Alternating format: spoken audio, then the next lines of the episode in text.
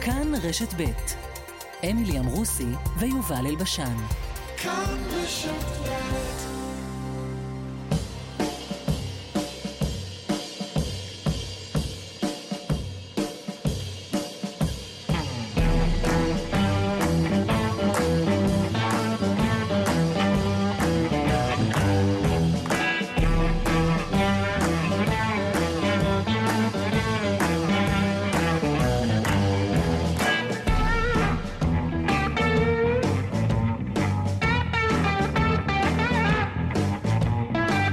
בוקר טוב.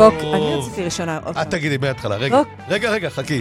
אה, בז'ו, תן לה רגע עוד קצת מוזיקה. בוקר טוב, בוקר טוב לפרופסור יובל אלבשן. בוקר טוב לאמילי אמרוסי. כל מה שאת אומרת, המילה פרופסור, עוד שניים נחנקים. ובוקר טוב ל... לא, באמת. עוד תגידי, החבר של לוין בכלל ימותו פה. אה, בוקר טוב לקובי בג'יק, שעל הצד הטכני... אורית שולץ ורחלי לוי. רחלי לוי, תני לי להגיד רחלי לוי, אני אוהב להגיד לוי. עכשיו, רגע, אני רוצה להתחיל. מה, שש, מה ששמעתי, שמענו אנחנו בחדר, בחדר, אה, במערכת שלנו, מה שהיה פה בשעה הקודמת עם רן בנימיני שלנו, אני רוצה להגיד לך שזה פשוט בלתי נסבל. מה קרה עם רן בנימיני? אה, לא, לא, רן היה מעולה. הוא ראיין את אה, אריה עמית, שהיה מפקד, ניצב אריה עמית מהמשטרה, שהיה מפקד מחוז ירושלים, אה, אי שם שנות ה-90, אני חושב, אבל לא בטוח. והבן אדם, שהוא איש עם ניסיון, מכובד, בא בימים, יש לו מטען, דיבר בשפת ביבים. על בן גביר. עכשיו, זה לא שבן גביר זה חנה בבלי ובן גביר... ביבים זה לא הרבים של ביבי. לא, לא. ביבים. ביבים. אה, יפה. ככה צריך להגיד, ביבים. נכון, לדעתי. נכון, נכון, את צודקת. אבל... אה, כן? כן, למה? מה אמר? רותי אלמגור. אמר אפס, אמר מנוול, אמר פחדן, לא משנה. על בן גביר. עכשיו, אני על בן גביר לא מוכן להגן. הבן אדם עשה קריירה מלהגיד כאלה דברים על אחרים, והוא בעצמו... טרול לא קטן. בדיוק. אבל, כן. אבל את יודעת מה? כש, כשבן גביר, ה, ה, סליחה שאני אגיד, ה, בתקופת הפורעות שלו, אה, אומר את הדברים האלה, זה גם בלתי... זה, זה, זה, זה כאילו, זה, זה מעצבן אותי, מגעיל אותי שהשיח הזה מגיע לתקשורת, אבל מילא. אבל שאנשים מכובדים, שעשו תפקיד או משהו, והם לא עולים בתור, אה, אנחנו לא... רשת ב' זה לא נתן זהבי, ואת יודעת, אה, להשמיע את הצרחות מהרחוב. הוא בא להתראיין על נושא חשוב אצל רן בנימין, ומה שיש לו להגיד על, על, שר, על שר היום, שהוא יכול לקרוע אותו, וצריכים לקרוע את בן גביר על החוסר תפקוד שלו, זה מילים כאלה, אני, אני ממש, אני חייב להגיד, זה מעצבן אותי. זה כמו uh, כל הלשעברים שיוצאים באמירות מטורפות, נחמיה דגן שהיה פעם, פעם קצין חינוך ראשי, ועמוס מלכה שהיה פעם ראש אמ"ן, כל האנשים האלה, הם כאילו כאילו התקופה הזאת היא כזאת נחשול. ואהוד ברק, בסדר, אבל נגיד, נגיד, נגיד הם פוליטיקאים. ההתכתבות הפנימית שלהם. אבל נגיד הם פוליטיקאים גם. אותי זה גם מבייש, שראשי ממשלה לשעבר מעזים לדבר ככה, אבל, אבל אנשים שהיו בעמדה כזאת ש, של ממלכתיות, וכנראה התקופה הזאת מורידה את כולם ל, ל, באמת לזוהמה הזאת בדיבור. זהו, לא, לא יכולתי לשמוע את המילים האלה. זה, זה ממש, צריכים להוקיע את זה. באמת, היה שבוע מאוד לא מבלבל מבחינת מחנות. הקואליציה אה, זעמה על מה שהתקבל, מה שהיא רצתה, והאופוזיציה הכריזה שיוצאת למלחמה על כך שקארין אלהרר מתקבלת למה שהם רצו. היה מאוד קשה לעקוב. איך הגדירה את זה הסטנדאפיסטית יונה קפח? ראיתי קטע שלה שאומרת, אה, אני קיבלתי פוש בוויינט, ונורא חששה שההופעה שלה תתבטל כי היו הפגנות בתל אביב. אז ישר לקחתי ליד אה, ספר תהילים, והתחלתי להתפלל, אבל לא הבנתי על מה אני מתפללת. אמרתי לו, אלוהים, תעשה טובה, תקרא את הפוש בוויינט ותעשה מה שצריך.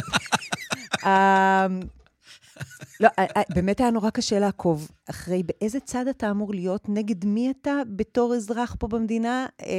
לא, לא. למה?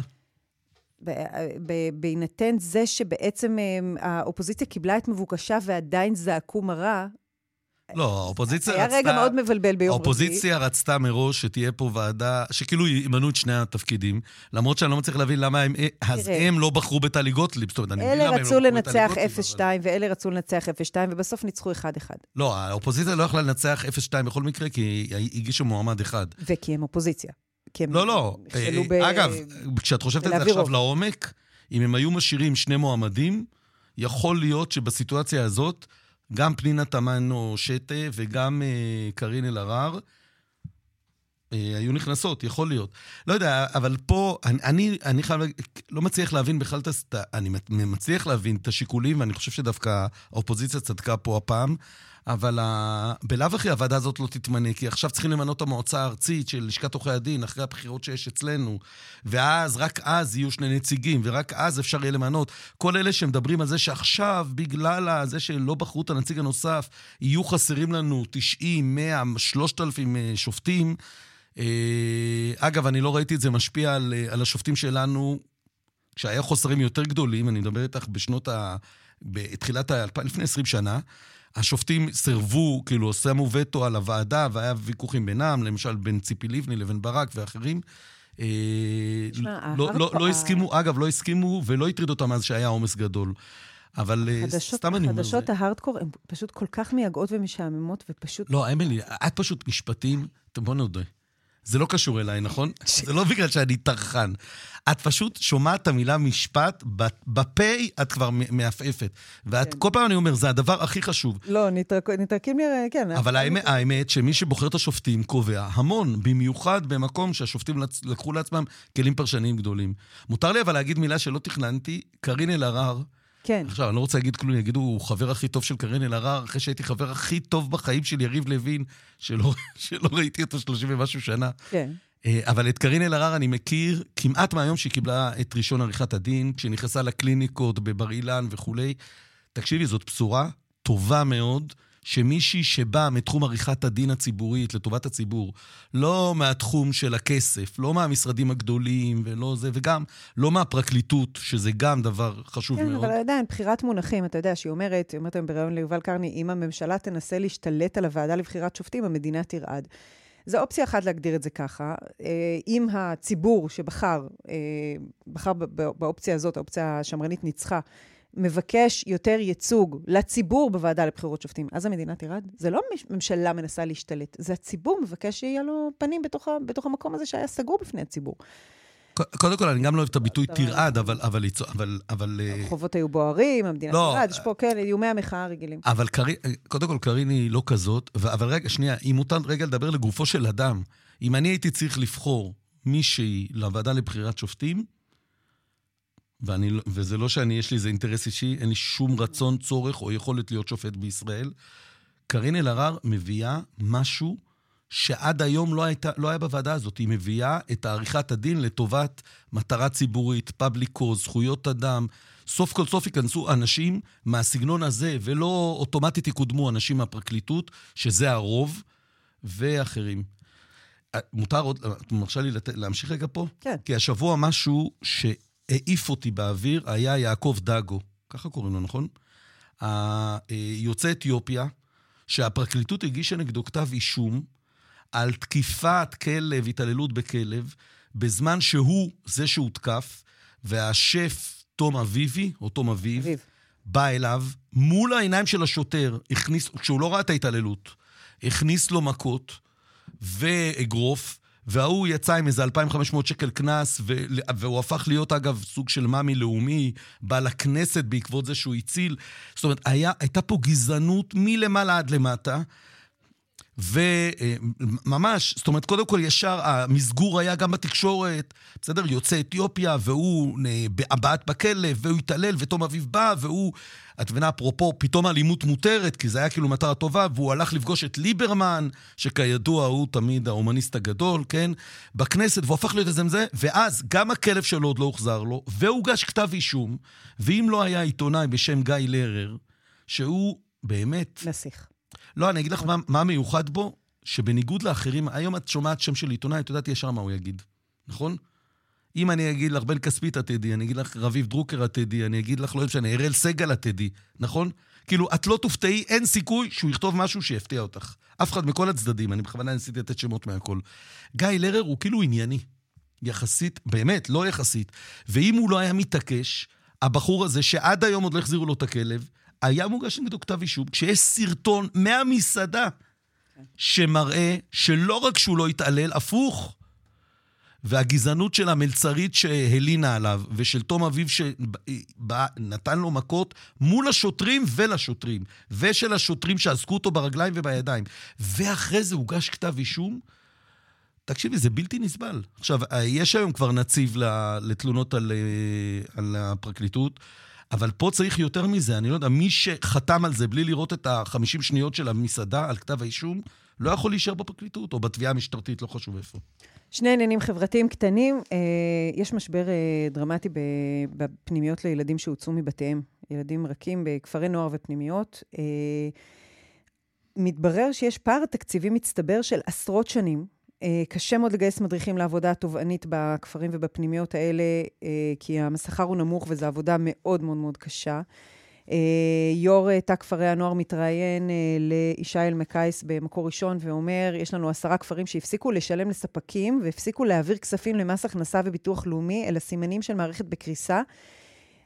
ממש מצב מזעזע, של אה, אין, אין, האנשים שאין להם יום ואין לילה למען הילדים האלה נותנים את ההנשמה, מתחת לרדאר של השיח הציבורי, יש סערה בעולם כפרי הנוער והפנימיות. מדובר בצומת קריטית במיוחד של uh, קושי תקציבי, שבאופן uh, חריג מאוד, השבוע הייתה שביתת אזהרה של העובדים uh, בפנימיות האלה ובכפרי הנוער. אגב, איך, איך עושים שביתת אזהרה במקום החשוב הזה? מה הם עשו? אני, הם, לא יכולים הרי לעשות כלום, זה מה. אני מניחה שהאחריות שמוטלת על כתפיהם הייתה בדיוק. בעצם משהו כן קצת סמלי. אבל uh, צריך פה פתרון קבע לראייה לטווח רחוק למען הילדים האלה, כי זה העתיד, זה... העתיד, יכול, יכול להיות העתיד אה, ישי אלמקייס במוסף אה, יומן של מקור ראשון, זה, זה יכול להיות החצר האחורית הבאה של מדינת ישראל. זה כבר החצר האחורית, אמילי. ומנגד, אני רוצה להגיד על, על עוד משהו שכואב לי מאוד על, על פער תקציבי, וזה... רגע, סליחה, אני, אני לא הספקתי לקרוא את הכתבה הזאת, כן. אבל כאילו, מה, מה... תמיד התקציב שם הוא בחסר, וכל מי שמסתובב, ואני מסתובב קצת בכפרי נוער, באמת, אם לא היה פילנטרופיה, אז גם לא היה כלום. מה... למה שר הרווחה ושר האוצר ושר אלה, הרי מדובר פה בפרוטות. אז יש פערים. איך יכול להיות שהילדים האלה לא מקבלים את המאה? עכשיו יש נקודת שפל נוכחית גם, גם בתקצוב הנוכחי, אבל גם יש פער שהצטבר עשרות שנים, הם היו בתקצוב נכון, חסר, נכון, ונגררו נכון, נכון, חובות. נכון. והיום הפער השנתי עומד על 56 מיליון שקלים, אה, וזה שליש ממה שכפרי הנוער, מה שהם מקבלים כל שנה זה 18 מיליון שקלים בלבד, זה שליש ממה שהם צריכים כדי לתפקד באופן שמיטיב עם האתגרים. 18 מיליון לכל שקל? לכל הפנימיות ו- וכפרי הנוער של ילדים שהוצאו מבתיהם או בצו בית משפט, או מלית ברירה בכל מיני רקעים קשים. איך, קודם כל, איך זה סכומים כאלה קטנים? בור תקציבי. ואיך זה חסר. כן. אבל, אבל איך, את יודעת מה? טוב שהעלית את זה. זה נושא ש, ש, שעשו, באמת, תחש... זה בלתי נסבל. הזנחה, ויש מחסור חמור גם באנשי צוות. אין, אין, אי אפשר לגייס. בסכומים שמשלמים, שיכולים לשלם, קשה מאוד לגייס אנשי צוות ומדריכים מתחלפים שם כל הזמן, וחניכי כפרי הנוער זקוקים למערכת יחסים יציבה ולאנשים שיכולים לטפל בהם עם משכורות יותר גבוהות. זה, זה פשוט כתבה מאוד מאוד כואבת. וואי, אני חייב לקרוא, אני רוצה להגיד לך משהו, אני הסתובבתי הרבה במהלך החיים המקצועיים שלי בכפרי נוער, בפנימיות. זאת עבודה קשה. אמילי, קודם כל, זו גם עבודה לפעמים פיזית קשה. התפרעויות ועניינים, אני לא מדבר רק על זה, גם במקומות פוסט-אשפוזיים וכאלה. אתה נתקל בפצעים הכי הכי מדממים של החברה. אתה צריך להיות, אתה 24, כשאתה שם אתה לא באמת ישן בלילה. יש שם סיפורים על סיפורים על סיפורים, והם מרוויחים פרוטות. פרוטות, ועד שאתה לא נהיה מקצועי, לא למה, ש... למה שיצליחו לאייש? מי ירצה ללכת לעבוד, עכשיו ברצינות, מי ירצה ללכת לעבוד... הנה, ב... כתוב פה 6,500 שקלים. נו, בבקשה. מעט יותר משכר מינימום, כשהעבודה היא מלאכה... כוללת שברות, שבתות וחגים, היא כמעט ללא אה, הפסקות, והיא... אה, אין, באמת... ברור, המקומות האלה חייבים, אה, הם חייבים, הם לא מוצאים את רוב האנשים שצריכים להישאר גם שבתות. המחסור הוא מטורף, מה שמתואר פה בכתבה, וה, והקושי הוא, הוא אדיר. מנגד, אני רוצה להגיד איזו אמירה קטנה על, על אור חברתי שנתקלתי בו השבוע, ו, ותחושה של כל כך גאווה בנוער שלנו, שאני פגשתי לנגד העיניים. Uh, השבוע ציינו, בתנועה שאני מאוד גאה להיות uh, בוגרת של התנועת בני עקיבא, ציינו 25 שנים להקמת uh, שבטים לבעלי צרכים מיוחדים. שזה עוד לפני שעלה הרעיון המדהים של כנפיים של קרמבו לייסד תנועה נפרדת לבעלי צרכים מיוחדים. ייסדו במאות סניפים בישראל, יש שבט מיוחד שפועל יחד עם כלל החניכים. גם בצופים יש את זה, לא נכון, צמיד. גם בצופים. ההיקף של בני עקיבא הוא גדול יותר בגלל כמות החניכים שמשתתפים ב... לא נכון, בני, עקיבא יותר גדולים מהצופים לא, בני עקיבא לא יותר גדולים מהצופים. כמות החניכים המיוחדים הם יותר גדולים בצופים, בבני עקיבא. ובני עקיבא חרטו על דגלם, לא יודעת מה עושים בצופים, אני רק ראיתי מקרוב בבני עקיבא, כי הנחיתי את הכנס שלהם במלאת 25 שנים ליוזמה הזאת, איך, איך משלבים אותם באופן אמיתי. הילדים בעלי צרכים מיוחדים, אה, אוטיזם, תסמונת דאון, בעלי מוגבלויות שונות, רצף של קשיי תקשורת או מגבלות פיזית, נמצאים במחנות ובמסעות יחד עם החניכים הרגילים. נצרדים מצעקות של השירים של המורל, ונצבעים בצבעי גואש, וישנים עם שרף האורנים. מה אתה כותב? מה? מה? אז למה אתה לא עושה? למה לביים את זה? תעשה את זה. לא, לא, בסדר, לא. דברי, דברי, נו. לראות ש, שרואים שהם נותנים להם מקום כאחד החניכים. יש שם סיסמה בבני עקיבא שאומרת, אה, חניך רגיל כשאני יכול, חניך מיוחד כשאני צריך. אתה, אתה יכול גם ללכת עם כולם במסע, גם עם הכיסא גלגלים, ויישאו אותך על כפיים. והרגע שבו אני התרגשתי היה לא רק לראות את החניכים האלה מעלים הצגת תיאטרון, העלו על הבמה הצגה חלומות שקופים, שבהם מדברים על החלומות שלהם, ואחת מהם אמרה, החלום שלי הוא להתחתן. או החלום שלי הוא לקנות בעצמי ארטיק בים, ללכת למוכר הארטיקים ולקנות לבד את הארטיק. לא רק את החניכים המיוחדים שהעלו ושרו והצגת תיאטרון, אלא לראות את המדריכים שלהם. אני עמדתי על הבמה בתור מנחה. אני, תשמעי, אני בן אדם בכיין. אל תיקחו אותי בתור מנחה לאזורים מרגשים. פשוט עמדתי שם ומררתי בבכי כשהמדריכים עלו לקבל תעודות הוקרה. אתה רואה את הנוער הציני, בן ה-16, שאמור להיות דבוק למסכים, עולה, הילדים אתה יודע, גם פיזית, צריכים לנגב נזלת, כן? עושים את כל הפעולות האלה. בהתנדבות גמורה, אף אחד לא משלם להם ואף אחד לא מוקיר אותם. ועומדים על הבמה בכזאת ענווה וביישנות, לא רוצים אפילו לעלות לבמה לקבל את התעודות. העיניים שלי נחנקו. יש נוער נפלא במדינה הזאת, בטח שלא רק בבני עקיבא, בכלל בתנועות הנוער. בתנועות הנוער יש אפשרות לנערים לנהל את עצמם באופן שלא ניתן להם בשום מקום אחר. סומכים עליהם. נותנים, להם, נותנים בהם אמון, ותראה כשנותנים אמון בנוער, אגב, לאן להם, הוא מגיע. גם להם חסר. הוא מגיע גם, בסוף... גם הם נאבקים על תקציבים. וזה המשפט הבא, כשאנחנו מדברים על, על מפעלי הקיץ, שרק מי שיכול, מסוגל לשלוח את הילדים שלו למחנות הקיץ, בצופים, בבני עקיבא, בנוער עובד, בעזרא, זה לא משנה איפה. הצעיר. מאוד מאוד יקר, והמדינה אה, נותנת, מתקצבת כל כך מעט, זה בסביבות 20 אחוז, 30 אחוז השתתפות של המדינה בתוך כל העלויות של תנועת נוער. הרוב זה על עלויות ההורים. זה מייצר מצב שרק הורה שיכול, שולח את הילד שלו. ומתנועות הנוער צומח לנו, באמת זה מגש הכסף שעליו ניתנה מדינת ישראל. שהמדינה תתקצב את תנועות הנוער כמו שמתקצבים את בתי הספר. ואנחנו נראה יותר. את יודעת כמה שנים זה היה? אני חייב, יש משהו שמעצבן אותי, אמילי, ממש, סליחה. נראה ש... לי שאנחנו נצא לפרסומות, ואז תגיד מה מעצבן אותך, כי יש לנו כמה מקבצי פרסומות, כי התוכנית הזאת כל כך פופולרית, שכדי איך, איך את... לפרנס... אתה יודע איך, אני חייב להוציא פנקס וללמוד איך, איך הם מנהלים שידור. נעשה קצת פרסומת. אבל, אבל רגע, רק הגבר קצרה. נותן את האישור, כאילו, איך זה עובד? כאילו, אנחנו, אנחנו מזנטו, אוקיי. אנחנו מיד נחזור. בז'ו מחליט. מה, מה הרגיז אותך? קודם כל, יש פה אה, כמה תגובות הרגיזו אותי. הדבר שהכי, יש פה כל מיני דברים על ה... אבל הדבר ש... רגע, אמילי, שנייה, כי אני תוך כדי זה קורא, קורא, כן, קורא. כן. אבל אני, אה, אה, כותבים פה כמה וכמה מגיבים. אני עומד בראש הוועדה הציבורית לשכר חברי הכנסת, ואנחנו המלצנו לתת להם מענק פרישה גדול יותר. למשל, הוא אדם טוב לב, ולכן הוא העניק מענק פרישה. כן, עזבי את הכותרת האווילית הזאת. אבל ה... אז למה נתתם כסף לזה ולזה אין כסף? אתם לא מבינים. זאת אומרת, למה נתתם לחברי כנסת? למה מגיע להם עוד, עוד כסף כשאין כסף לפנימיות ודברים כאלה? אנשים באמת לא מבינים. אני קראתי את המאמר שכתבו נגדי, שזה היה מאמר באמת כלכלית, הוא כאילו אומר, הרי אנשים יהיו מוכנים לעבוד גם בלי, הכס, בלי, גם בלי התוספת הזאת. יש לי סוד לאותם פרשנים כלכליים. אנשים יהיו מוכנים לבוא לכנסת בלי לקבל שכר בכלל, ויותר מזה, יהיו מוכנים לשלם כסף כדי להיות חברי כנסת. בכלל, אולי נעשה מרכז רווח, נמכור את 120 הח"כים, זה יכול להכניס המון כסף למדינה שילך ישר לפנימיות. מצוין, בוא ניתן רק להון לשלוט.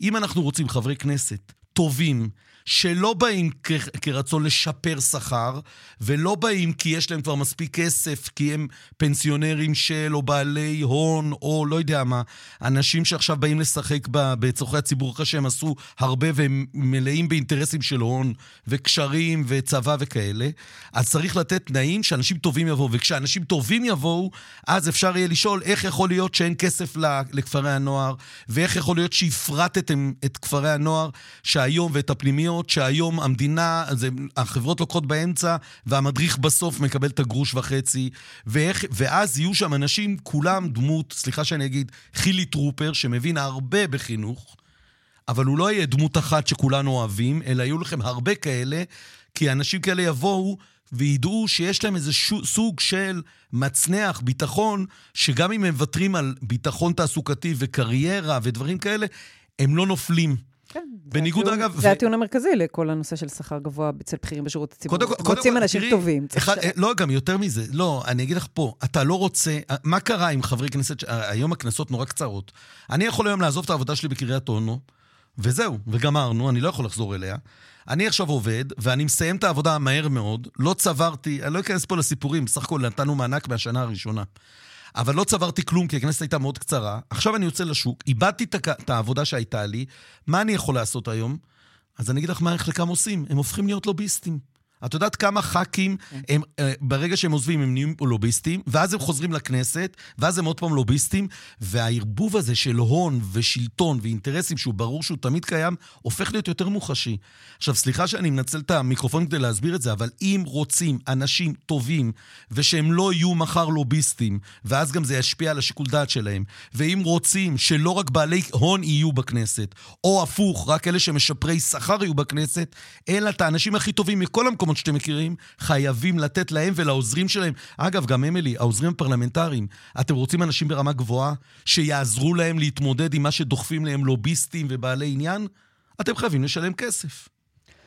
אה, כן, אבל לא צומח חטא של כסף, אתה יודע, בסוף צריך אה, להחליט אגב, אמילי, זה בדיחה, אני רק רוצה להגיד לך, כשאנחנו נותנים בוועדה הציבורית עוד מענק הסתגלות, בסדר? עוד, כן. זה יוצא עוד 30 אלף שקל, נגיד, או כן. קצת יותר, תלוי כמה זמן. וזה מוגבל בשש משכורות. זה לא שאם משה גנף, גפני כבר 30 שנה, הוא לא יקבל 30 משכורות. Okay. זה לא אוקיי. פיצוי פיטורים. Okay. זה גרוש וחצי, וההתגללות על זה, זה בגלל שהכי קל להיכנס בפוליטיקה, הכי קל לעשות את הדה-לגיטימציה, ואז גם לבוא בטענות למה יש לנו פוליטיקה מהסוג הזה והזה. Uh, כן, לפני שאני אעבור לנושא שלי, זה שתי תגובות uh, חשובות שהם מוסרים לנו, מי שעובד בתחום uh, שיקום בריאות הנפש, גם שם מצוקת מדריכים חריפה ומצוקת תקצוב חריפה מאוד. זה באמת החצרות האחוריים, זה המקומות, ש... המסגרות של ש... סל שיקום, שהם פשוט קולם אינו נשמע, כי אין מי שיחצן את האזורים האפלים האלה. ו... ועוד דבר זה ש... אגב, מיכל, מיכל איך קוראים? סליחה, וורדיגר? כן. היא, היא הראשונה שבכנס, בכנסות, היא העלה, העלתה את הקול, סוף כל סוף נשמע קול של מהמתמודדים עם נפש. ועוד רעיון זה להגדיר את המדריכים בפנימיות האלה כעבודה מועדפת לחיילים משוחררים. למה צריך מתדלקים בתחנות דלק ולהם לתת מענק של עבודה מועדפת ולא לתת מענק של עבודה מועדפת, לבוא לשנה, שנתיים בכפרי הנוער? סליחה שאני אגיד משהו, אבל, אבל זה לא, זה, זה בדיוק, זה טעות, זו טעות להגיד את זה. את צריכה בפנימיות האלה, בגלל שמדובר באוכלוסייה, ולא רק פוסט-אשפוזי של הנפש, אלא בכלל, את צריכה אנשים שמומחים. אמילי, אני ואת יודעים את ההבדל. כשאת גידלת את אה, נרי הראשון, את עברי הראשון, כן. ואת ציני האחרון, כן. את הורה אחר, נכון? נכון. עכשיו, תחשבי ששם מדובר באוכלוסייה סופר מיוחדת. הניסיון הוא הדבר הכי חשוב. מה זה להביא אנשים מהצבא? מה זה, היא, סליחה שאני אגיד, ילדה בת... רגע, אין, אין אפילו את זה, אין כלום. לא, ילדה בת 20 יכולה, יכולה לנהל את זה באמת, אני, לא, אני אומר ברצינות, צריכים פה מקצוענים. יש מצוקה כזאת חריפה של תקצוב ושל כוח אדם, אולי הצעירים והצעירות שיצאו מהצבא יכולים לבוא עם הכוחות והאנרגיות לשנה, שנתיים, אז אולי לא, להפר, אולי לא להפריט את כל המערכת הזאת, ואולי לתת שכר שאנשים שהם סטודנטים, בוגרי תארים, בעבודה סוציאלית וכולי, יגיעו, כי הם יקבלו לא 7,000 שקל, אלא הם יקבלו 12,000 שקל, כמו שראוי לעבודה כל כך קשה, עם שעות חברות כאלה, והיא הדבר הכי חשוב בעולם. אפשר גם להפחית את הפקידות בכל מיני משרדי ממשלה, לצמצם את האיש השמן, את השירות הציבורי שנושא, את האיש, הרז, האיש השמן שנושא על כתפיו את האיש הרזה. מה היה המשל של נתניהו? הפוך, האיש הרזה שנושא על כתפיו את האיש השמן. טוב, אני רוצה להגיד, להקליל קצת, לספר לך על כמה טעויות שמצאו חן בעיניי. אגב, אני הזכרתי את אה, מיכל ורדיגר, ומזכירים לי פה... וולדיגר. עמותת, וול, איך? וול, וולדיגר. וולדיגר. כן, ממפלגת הציונות שגם יעל כהן-פארן, וגם איילת נחמיאס ורבין, וגם מיכל בירן, ועוד, ביקרו בכל יום בדברים האלה, וכמובן, עמיתתנו, איך אני אוהבת טעויות חינוך חינניות. ראית השבוע את... היה לפני שבוע את חבר הכנסת מש"ס, שנכנס לוועדה לזכויות להט"ב והתקבל בבחירות כפיים סוערות, ראית את זה? חבר כנסת חרדי נכנס לוועדה שדיברו על זכויות להט"בים, כולם מחאו לו כפיים וזה, והוא קצת היה נבוך, לא הבין מה קרה, התיישב, ואז התברר שהוא התכוון להיכנס לוועדה להשכלה גבוהה, והתבלבל בחדר הוועדות, כי הוא חבר כנסת חדש. השבוע פורסם את הסיפור של קבוצת הוואטסאפ שחברים בראשי המחאה, אהוד אולמרט, אה, דן חלוץ, ישי הדס ואהוד ברק, ואומרים, צריך להחריף את המחאה ולהגיע למלחמה פנים אל פנים וכל מיני דברים קשים. כל, אנשי, המוסר, אתה תוהה? כל המודלים, רגע, אמילי, רק להגיד, כל אחד מהשמות שציינת הוא מודל מוסרי לחיקוי ולמופת. מגדלור. כן. ואתה תוהה, מי הוציא את ה... הרי זו קבוצת וואטסאפ מצומצמת של שמונה אנשים, מי הוציא את זה החוצה? והנה עמית סגל הנפלא מפרסם השבוע איך אה, הדבר הזה יצא החוצה. אחד ממנהלי הקבוצה התכוון להכניס פעיל מחאה. זה, זה בחור מערוץ 14, עיתונאי צעיר. שפרסם, כן. לא זוכר, אבל עמית סגל מספר את הסיפור מאחורי הדברים. כן. אה, אחד ממנהלי הקבוצה הסגורה והמצומצמת החליט להוסיף לקבוצה פעיל מחאה בולט מאוד, וצירף בטעות אדם ששמו זהה, שהוא מתנחל דתי. זה קמצא ובר קמצא לא, שניים. דוד לוי כזה? לא יודעת, כזה כנראה, לא יודעת מי האדם. לא, יכול להיות אפילו שזה שם, אתה יודע, שם ייחודי, אבל יש שניים כאלה. ואני כל כך נהניתי מהסיפור הזה, קודם כל כי אני עוברת בחיי את הבלבול הקבוע ביני לבין מואטי, אחותי. אה, אני הייתי קודם, נולדתי ארבעה חודשים לפניה. אין מקום שאנחנו לא מקבלות. באמת, היא נראית מאוד צעירה. היא תודה, איזה חמוד אתה. לא, היא כבר קיבלה הזמנה לכנס בטורקיה שיועד אליי, ואני מקבלת את הנאצות שמיועדות אליה, וכל פעם שאני אומרת משהו לא בסדר ברדיו, היא בכנסים של השמאלנים, אומרים להם... תרשי לי להגיד לך, היא מקבלת יותר נאצות ממך אה, על ההבדל. אוקיי. כן. אני מאוד אוהבת את הטעויות החילוניות האלה. השבוע אני קיבלתי חיבוק מאהוד אולמרט, חיבוק מוחץ צלעות, שאהוד אולמרט חשב שאני זאתי. הגעתי לנחם בשבעה של חבר משותף, ואהוד אולמרט אמר, אה, הנה אמילי, וחיבק אותי, ואז התברר לו שהוא לא מחבק את האמילי הנכונה. אה, אני מאוד מאוד אוהבת את הטעויות האלה, ועכשיו סיפור שאתה מאוד תאהב, שקרה לי השבוע, שהוא באמת נכנס לטופליסט של טעויות חינניות, קרה לי. אני מגיעה לקריית אתא להרצאה. יש לי הרצאה שהשם שלה נקרא נעלי בית, נעלי עקב, סיפורים משולחנה של עיתונאית ואימא. נעלי בית זה נעלי עקב, כן, עם חוץ פנים. הבנתי, הבנתי את האלגוריה. זה, זה מפורסם בכל מיני uh, מרכזים של הספריות, בכל מיני uh, מאגרי מרצים כאלה. מזמינים אותי להרצאה הזאת, אני מגיעה. עכשיו, התת כותרת בפנים, כתוב שזה על החברה הישראלית, על ימין ושמאל וזה. אני מגיעה להרצאה, אני רואה, להפתעתי, רק נשים. עכשיו, בדרך כלל בהרצאה הזאת, בגלל שזה גם פוליטי, יש הרבה גברים. אמרתי, טוב. הפתעה ראשונה. הפתעה שנייה, זה שמדובר בנשים שרובם לא מכירות אותי. עכשיו, בדרך כלל מי שמגיע להרצאות שלי על עיתונות, זה כאלה שמאוד אוהבים, רוצים להצטלם איתי לפני, אחרי, לא יודעים מי אני. אני מציגה את עצמי, מתחילה את ההרצאה, 100 נשים יושבות באולם גדול בקריית אתא. באמצע ההרצאה קמה מישהי, אחרי 20 דקות שאני מדברת על התנתקות וזה, ואומרת לי, סליחה, אנחנו באנו להרצאה על סטיילינג.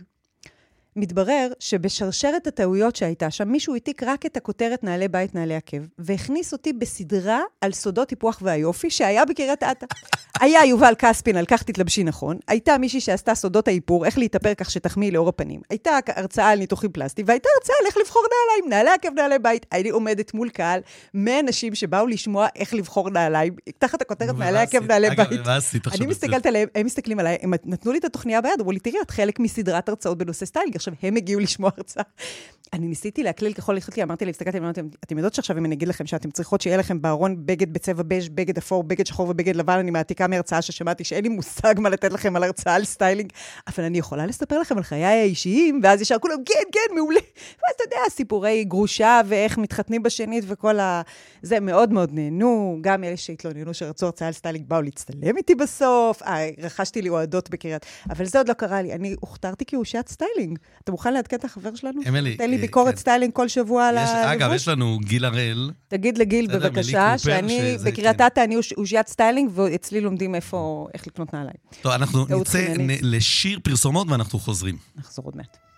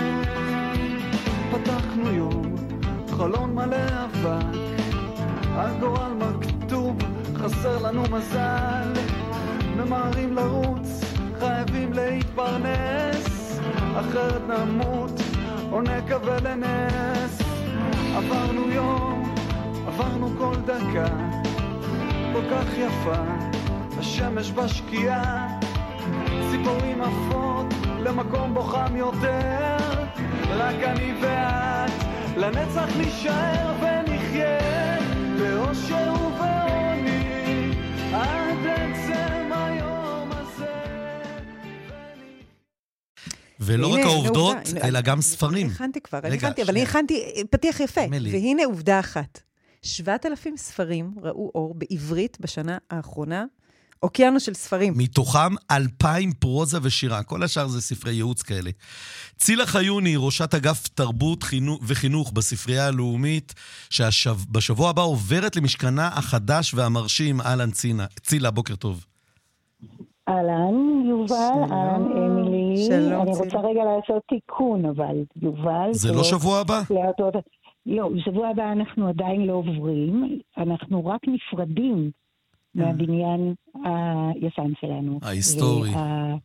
כן, ואתה יודע. רגע לפני שהכל יהיה בארגזים, אז אנחנו מזמינים את האנשים לבוא להגיד שלום לבניין המדהים הזה, וואי, האמת, אל תצחקי. 63 שנה. זה, כן. כאילו, האולם עם החלונות שאגאל והדברים האלה, זה... מה, כאילו, האמת שזה באמת... המשכן החדש הוא מדהים, אנחנו נקדיש לו הרבה כש, כשהוא ייפתח לציבור. בדיוק. אבל אנחנו. רוצים לדבר איתך נדבר אז. רגע, אבל שנייה, עוד לקראת השבוע הבא, אז מה הולך להיות שם במבנה הזה? את יודעת? אז רגע, רגע, רגע. בואו נעשה רגע סדר. יום רביעי אנחנו עושים את אירוע אפילוג, הסיפור, הסיפור שאחרי הסיפור, וזה אירוע הפרידה שלנו, של הספרייה הלאומית מהבניין שבו היא הייתה מאז תחילת שנות ה-60. מיד ארגזים, ארגזים, ארגזים, ובכל זאת... צילה, אני עוצר אותך, שואלים אם את עם אוזנייה. מה? את מדברת לא? לא עם אוזנייה. לא, לא, היא פשוט לא, אה, לא לא, בארץ לא. לדעתי, נכון? נכון, כן, נכון, אוקיי. אני לא בארץ. אה, המבנה הפיזי של הספרייה הוא לא הסיפור היחיד שלה, אלא גם העובדה שמדובר בבית לכל אה, מה שיוצא, כל, כל דבר שיוצא בכתב בישראל. ספרי לנו קצת על, ה, על ההתפלגות של הספרים שמגיעים אליכם. תני לנו קצת נתונים. אז ככה, הספרייה הלאומית מחזיקה, קודם כל, מגיע אליה, על פי חוק, כל דבר דפוס שרואה אור בישראל, ואני אפילו אדייק, זה לא רק ספרים, זה גם כל קובץ אודיו, מוזיקלי, שראה אור, אה, זה גם מפות, זה גם אה, תצלומים, זה גם אה, מה שאנחנו קוראים חולפות או אפמרה, הספרייה אוספת כל מה שקשור לחיי היומיום של החברה בישראל, כל דבר שיש לו איזשהו ביטוי פיזי, אה, והוא כתוב. מה זה חולפות? סליחה על הבורות. מה? חולפות, מה שנקרא, כן. אופ- אפמרה. אני אתן לך דוגמה לחולפות. חולפות זה כרטיסי רב-קו, זה כרטיסי טלקארט, זה ברכונים שאנשים הדפיסו לשמחות שלהם, אדיר. אה, או... אה, את כל- אה, את כל זה-. את כל זה אתם מקבלים? זה נאסף בספרייה, כי בעצם אפשר לחשוב על הספרייה כמו על התודעה הכתובה של החברה הישראלית. יפה. ואז כשאנחנו רואים את הנתון שרק כותבת. 2% הם בשפה הערבית, כשמדובר ב-20% מהאוכלוסייה, אז יש פה איזה פער, איזו שאלה לא מוסברת. למה רק 2% מהחומרים המודפסים שיש אצלכם הם בשפה הערבית? לא, זה לא כל כך מדויק, זה לא האחוז שיש אצלנו. אה, צריך לומר, קודם כל שהחוק הזה, שהוא לא חוק הספרייה, הוא חוק בעצם של האזרחים, של המדינה, שהם צריכים להפקיד ספרים, כל מה שהם מדפיסים, אז אה, קודם כל אחוז הכתיבה וההדפסה והראיית אור בחברה היהודית הוא גדול יותר מאשר זו של החברה הערבית. אגב, אנחנו מאוד מושקעים גם בעניין הזה. אגף החינוך אה, אה, של הספרייה הלאומית אה, מושקע במאמץ רב, ומגיעים לספרייה אלפי תלמידים ערבים, מורים ערבים, מורים אומרות. אבל זה נכון שרק 2% מהספרים שיוצאים לאור הם בערבית? שיצאו לאור בשנה האחרונה, ב-2022. או לא, או בכלל מה שיש בספרייה? אני לא, אני לא חושבת, אבל אני מציעה לבדוק את זה יותר לעומק. דוח הספרים של מה שראה אור השנה מתפרסם באתר אה, של הספרייה הלאומית. לא, משם המספרים, 94... 94 אחוז מהספרים בשפה העברית, ובערבית 2.2 אה, אחוזים ושתי עשיריות. כן, אגב, זה לא רק אה, עברית וערבית, יש בישראל, רואים אור גם ספרים ברוסית, ובעוד שפות, וגם הם מגיעים לספרייה הלאומית. ספרי לנו על ספרים נדירים שאתם ככה שומרים אותם בצורה יותר אה, אה, משמרת, או אה, מבטחים אותם באופן מיוחד. תראו, בספרייה הלאומית יש, יש אוסף של מאות אלפי אה, אה, דפים של כתבי יד אה, נדירים, יש ספרים נדירים. הספרייה אוספת את האוסף שלה כבר 130 שנה. אבל אני יכולה לתת דוגמאות אולי לדברים שקרו השנה, ממש השנה הזו, אה, או ממש בשנים האחרונות. השנה הזו למשל הגיעה לספרייה תרומה מדהימה של מהדורה ראשונה של שייקספיר, משנת 1623. אה, מה שנקרא פוליו ראשון, אה, יפהפייה עם עיטורים, עם חיתוכים. איך כזה דבר מגיע אלינו ולא נשאר באנגליה? מכל העולם דווקא לישראל? אה, אז תארו לעצמכם שיש אספנים שגרים בישראל, ואומרים לעצמם, רגע, אני, אני רוצה לתרום את האוסף המדהים שלי לחברה הישראלית, ואז זה מגיע אלינו לספרייה הלאומית והופך אותנו להיות ספרייה גאה בין ספריות די נדירות בעולם שיש להם אה, דבר כזה. אבל תס, תסבירי לי רגע, צילה, איך זה קשור, נגיד, את יודעת, אתם, אה, את, את, את אה, ספרי הכתר, המל, כל הספרים, נגיד, של העם היהודי, כל ההוצאות, אני מבין איך זה קשור, אבל נגיד, שייקספיר, איך אנחנו מחברים אותו אלינו? אנחנו בספרייה, אוספי הליבה של הספרייה זה כל מה שקשור אוסף יהדות. שלספרייה יש את האוסף הגדול ביותר והחשוב ביותר, מהחשובים בעולם, נאמר כך, אוסף ישראל, כל מה שקשור לחברה הישראלית, אוסף אסלאם ומזרח תיכון, יש לספרייה אוסף אה, מהחשובים ביותר במזרח התיכון, כי אנחנו בכל זאת במזרח התיכון, ויש לנו גם אוסף של מדעי הרוח. אה, מדעי הרוח הם תומכים את כל המחשבה היהודית והמחשבה הישראלית. והמחשבה של האסלאם. ולש, ולשם, ולשם נכנס, נכנסת המהדורה הראשונה הזאת של שייקספיר. למשל. עכשיו, סתם כן, שאלה, נכון. זה מוצג במעון החדש שלכם זה יהיה מוצג לציבור, וואו, או שזה יהיה סגור בכספת? שם אני ראיתי שבונים שם מפעל למטה כזה של סולמות, יורדים, נכנסים, שלא תיפלי צילה אגב. זה נראה לא, ממש לא, מפחיד. אני לא אפול, אני לא אפול, אני רק רוצה לומר שהמטמון האוטומטי, איפה שנמצאים כל הספרים, אז אה, נכון, מה שנקרא, רגל אדם אינה דורכת בו, אין בו חמצן, ורק רובוטים נכנסים ויוצאים. הספרים הנדירים שאתם שואלים עליהם נמצאים במחסן מיוחד, שהוא כמו הכספת, הוא ממש הרי הכספת של, של החברה הישראלית, מאוד מאוד וואו. מוגן. אבל התצוגה של הדבר הזה, ואתם אה, כמובן, אה, וכל המאזינים יוזמנו לבואו ולראות את זה ברגע שנפתח, נמצאת בחדר אה, תצוגה לפריטים נדירים, חדר מהמם ביופיו, אולי מהחדרים הכי יפים שיש. צילה, סליחה על השאלה היהודית כל כך. כמה עולה, איך, כמה מוערכת המהדורה הראשונה הזאת של שייקספיר שנתרמה לכם השנה? או, זה אני לא יודעת להגיד לך. אבל אתה יודעת, סדר גודל, זה, זה, זה שתיים, זה, זה נכנס למבצע של, שתי, של ארבע במאה? ב, לא, ממש לא ארבע במאה, וגם אני רוצה להגיד שזה דבר, פריט מהסוג הזה הספרייה לא קונה. הספרייה מקבלת כתרומה.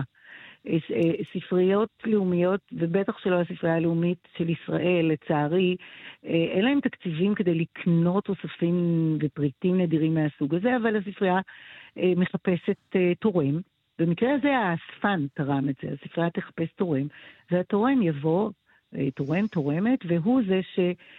יתרום את זה. צילה, את בתור אוהבת ספר, היא משוטטת שם בספרייה, שהיא הבית המקצועי שלך, את בטח יכולה להישאר שם שעות ולא לשים לב שחלפו שעות העבודה, או שזה לא ככה, את רואה את הספרים כבר לא, בצורה... לא, זה לגמרי ככה, ואני רוצה להגיד שכל מי שעובד בספרייה הלאומית יודע שלעבוד בספרייה, אחד הבונוסים הכי גדולים, זה שכל יום מתגלה איזשהו סיפור חדש. זה יכול להיות מפה מדהימה שהגיעה, זה יכול להיות קמע נפלא שפתאום הספרייה קנתה, זה יכול להיות ספר ילדים שהספרייה רכשה במכירה פומבית, אה, והוא משנות ה-20 של המאה שעברה, וזה פשוט מדהים להסתכל עליו.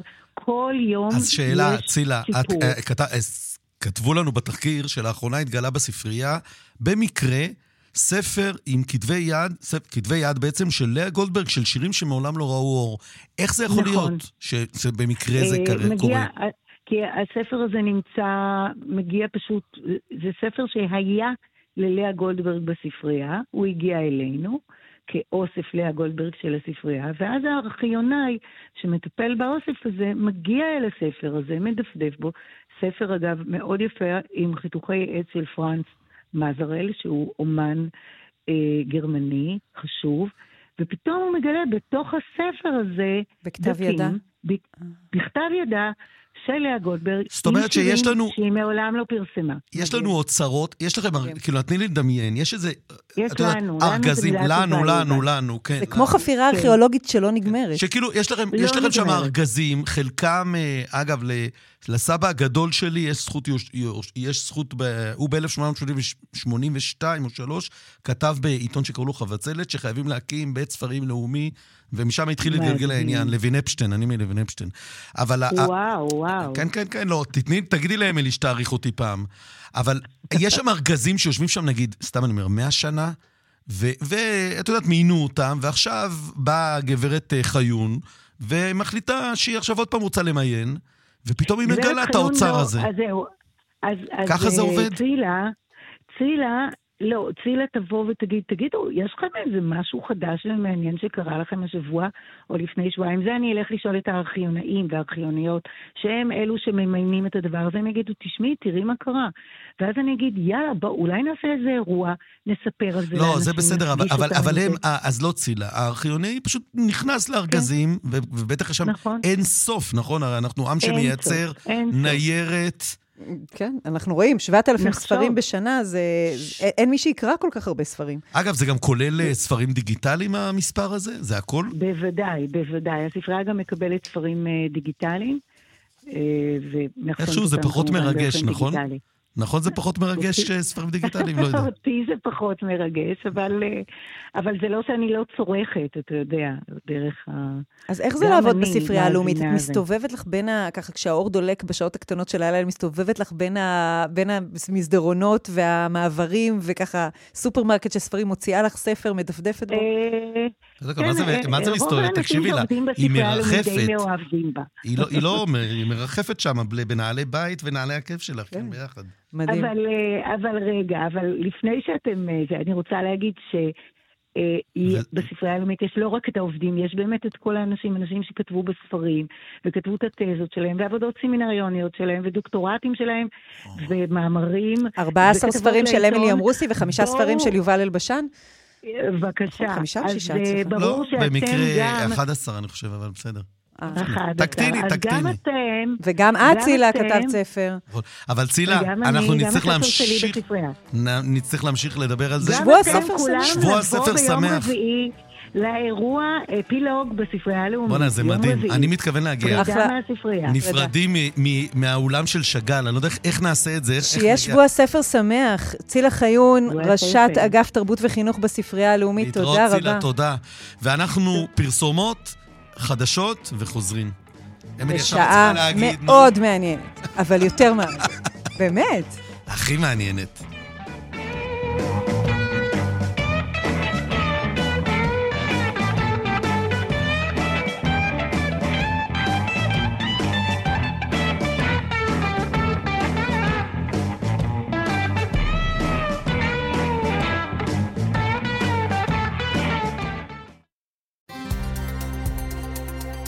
רשת ב' אמילי אמרוסי ויובל אלבשן.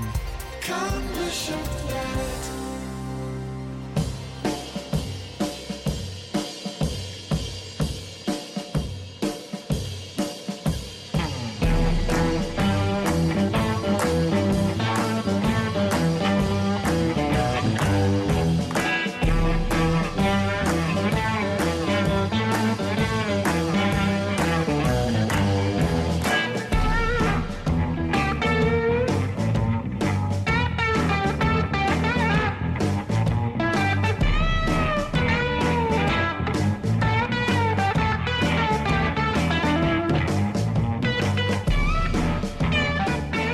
כמובטח, חזרנו.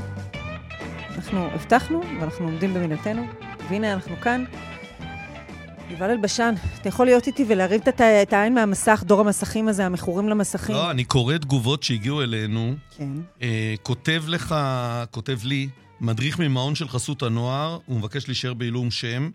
אותו דבר יש, אותו משבר יש בחסות הנוער, התפרסם מכרז חדש שפוגע בשכר המדריכים בשעות שלהם ומעודד מדריכים מעל גיל 30 לעזוב את, ה... לעזוב את ההדרכה.